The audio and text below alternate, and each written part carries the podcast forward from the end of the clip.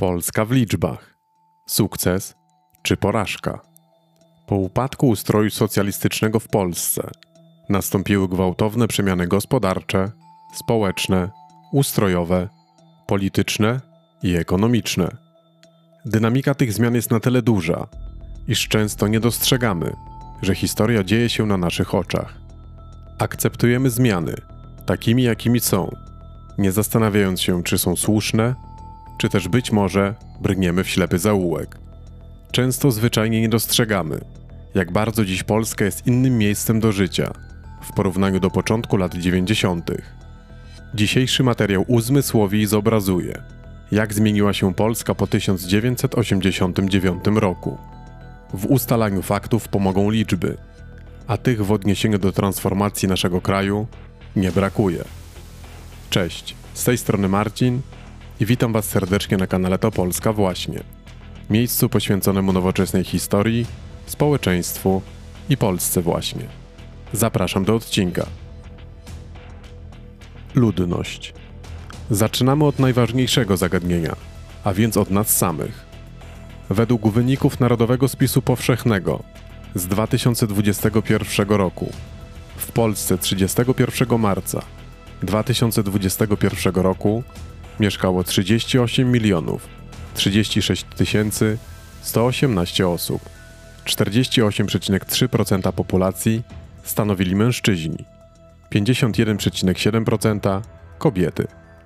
W porównaniu z wynikami z 2011 roku, liczba ludności zmniejszyła się w 2021 roku o 474 706 osób, to jest o 1,2%.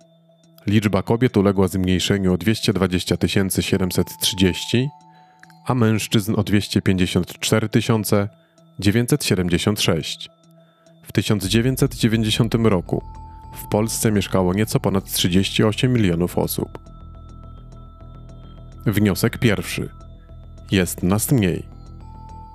W 2021 roku ludność miejska stanowiła 59,8% ogółu ludności. Na wsi mieszkało 40,2%. W 1990 roku w miastach żyło 61,8% ludności, a we wsiach 38,2%. Wniosek drugi. Coraz chętniej przeprowadzamy się na wieś, co może świadczyć o bogaceniu się społeczeństwa, które decyduje się na budownictwo jednorodzinne, poza obszarami miejskimi. Ludność według województw.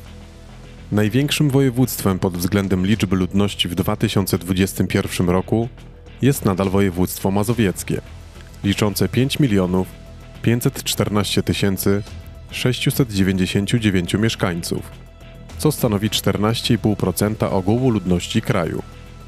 W stosunku do poprzedniego spisu odnotowało ono największy przyrost liczby ludności, to jest o 246 tysięcy i 39 osób.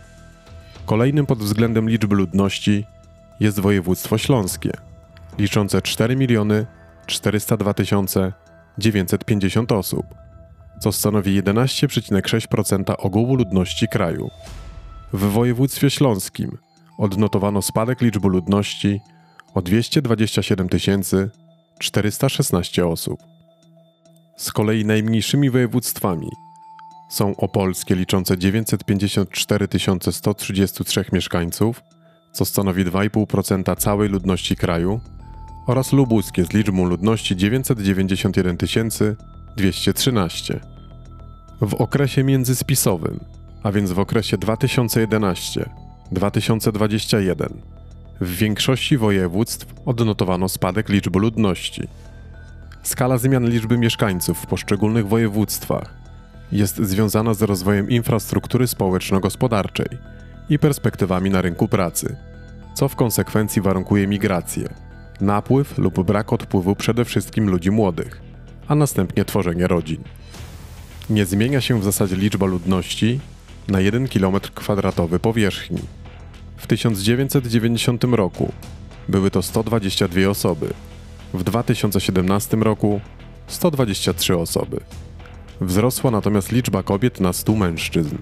W 1990 roku na 100 mężczyzn przypadało 105 kobiet. Natomiast w 2017 roku było to już 107 kobiet. Wniosek trzeci. Panowie, jesteśmy w odwrocie. Bardzo niekorzystna zmiana odbywa się w podziale ludności według grup wiekowych. Lata po transformacji ustrojowej przyniosły istotne zmiany w przebiegu procesów demograficznych. W Polsce, podobnie jak w większości innych krajów europejskich, pozytywnym trendom w poziomie umieralności i trwaniu życia towarzyszą niekorzystne tendencje w zakresie urodzeń i dzietności. W coraz późniejszym wieku zapada decyzja o zawarciu związku małżeńskiego i posiadaniu dzieci. Zmniejsza się liczba zawieranych małżeństw, natomiast zwiększa się liczba związków nieformalnych. Rośnie liczba rozwodów. Skala emigracji z Polski, szczególnie emigrujących czasowo ludzi młodych, jest wyższa niż imigracji. W efekcie obserwowane są negatywne zmiany w strukturze wieku ludności, świadczące o postępującym starzeniu się społeczeństwa. Dobrą informacją jest fakt, iż żyjemy dłużej. W 1990 roku przeciętna długość trwania życia liczona w latach wynosiła 66,2 u mężczyzn i 75,2 u kobiet. W 2017 roku było to odpowiednio 74 u mężczyzn i 81,8 u kobiet. Różnica w średniej długości życia pomiędzy mężczyznami a kobietami wynosiła w 2017 roku niemal 8 lat. Wniosek czwarty. Żyjemy dłużej, ale młodych ludzi jest znacznie mniej. Nie jest to najlepszy prognostyk na przyszłość. Zmieniły się nasze preferencje żywieniowe. Spożywamy mniej ziemniaków, mniej warzyw, mniej jajek, mniej masła, pijemy mniej mleka i używamy nieznacznie mniej cukru. Ewidentnie posmakowało nam za to piwo, mięso oraz owoce. Tu obserwujemy widoczny wzrost konsumpcji. Zgodnie z wynikami Narodowego Spisu Powszechnego z 2021 roku, na terenie kraju usytuowanych było 15 milionów 227 tysięcy 927 mieszkań i w porównaniu z Narodowym Spisem Powszechnym z 2011 roku ich liczba zwiększyła się o 1 milion 732 550 mieszkań. To jest o 12,8%. W 1990 roku w Polsce usytuowanych było 11 milionów mieszkań. W miastach dynamika przyrostu liczby mieszkań i budynków była wyższa niż na terenach wiejskich. Żyjemy bardziej komfortowo.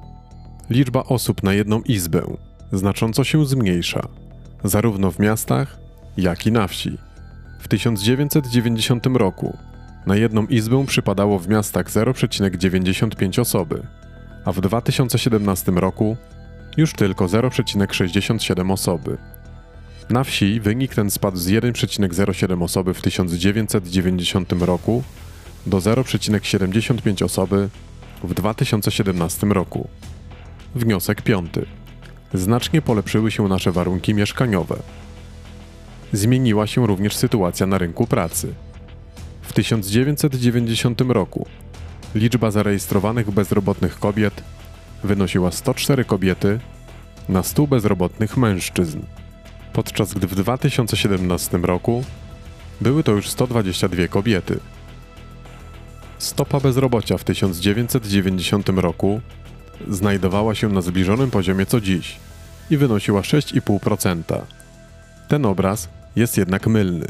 Po 1990 roku nastąpił wystrzał stopy bezrobocia, który ustabilizował się dopiero w 2017 roku. Uczciwie trzeba zaznaczyć, że Polska zatoczyła wielkie koło. W 2003 roku, a więc tuż przed wstąpieniem Polski do Unii Europejskiej, poziom bezrobocia wynosił 20%. Wniosek szósty. Wejście Polski do struktur Unii Europejskiej otworzyło rynek pracy dla zachodnich firm, ograniczając bezrobocie. Dyskusyjną kwestią pozostaje stosunek wynagrodzeń do kosztów życia. Na koniec kilka ciekawostek. W dziedzinie edukacji dokonało się kilka znaczących zmian. Liczba studiujących kobiet na 100 studiujących mężczyzn wzrosła ze 101 kobiet w 1990 roku do 136 kobiet w roku 2016. Oznacza to, że kobiety znacznie chętniej niż mężczyźni podejmują studia wyższe. To jednak nie wszystko. Liczba osób decydujących się na kontynuowanie nauki na uczelniach wyższych potroiła się. W 1990 roku na 10 tysięcy ludności studiowało tylko 105 osób, podczas gdy w roku 2016 były to już 334 osoby. Zmieniają się również nasze przyzwyczajenia w kwestii konsumpcji treści. W 1990 roku wydano 10 242 tytułów książkowych. W 2017 roku aż 36 260. Znacząco spadła liczba wydawanych gazet. W 1990 roku było to aż 130 tytułów. W 2017 roku tylko 46. W 1990 roku ukazywało się 3007 czasopism. W 2017 roku 6939. Oczywistym jest, że dostęp do internetu całkowicie zmienił nasze podejście do konsumpcji tekstu pisanego. Cieszy natomiast duże zainteresowanie książkami. Hodujemy mniej zwierząt gospodarskich. Hodowla bydła to spadek z poziomu ponad 10 milionów sztuk bydła w 1990 roku do nieco ponad 6 milionów w 2017 roku. Trzoda chlewna to spadek z 19,5 miliona sztuk do 11,3 miliona sztuk. Hodowla owiec została ograniczona do 261 tysięcy w 2017 roku, podczas gdy w 1990 roku było to ponad 4 miliony sztuk. Hodowla koni kształtowała się na poziomie niemal miliona sztuk w 1990 roku. 27 lat później to już tylko 185 tysięcy sztuk. Kończymy motoryzacją. W 1990 roku na 1000 osób przypadało 138 zarejestrowanych samochodów osobowych. W 2017 roku było to już 586 samochodów. Jest to istotny wzrost, świadczący o wzbogaceniu się społeczeństwa. Wielu z Was pewnie pamięta fatalny stan dróg w Polsce w latach 90. Liczby tylko to potwierdzają. W 1990 roku drogi publiczne o twardej nawierzchni stanowiły tylko 69,9%. W 2016 roku było to już 94,1%. Podsumowanie. Polska dokonała radykalnego postępu niemal w każdej dziedzinie życia. To, co niedostępne 30 lat temu, dziś jest standardem, oczywistością. Szybko przyzwyczajamy się do dobrego. Jeszcze szybciej narzekamy na niekorzystne zmiany i nie jest to wadą, a naturalnym zjawiskiem. Możemy sobie życzyć, by w 2050 roku móc dostrzec to samo tempo zmian, jakie obserwujemy dziś, porównując teraźniejszą Polskę do tej sprzed niemal 30 lat. Wydaje się, że nie będzie to proste. Im kraj jest bardziej rozwinięty, tym trudniej utrzymać wysokie tempo rozwoju. Gdybym miał wskazać obszary wymagające poprawy, wymieniłbym administrację i usługi publiczne.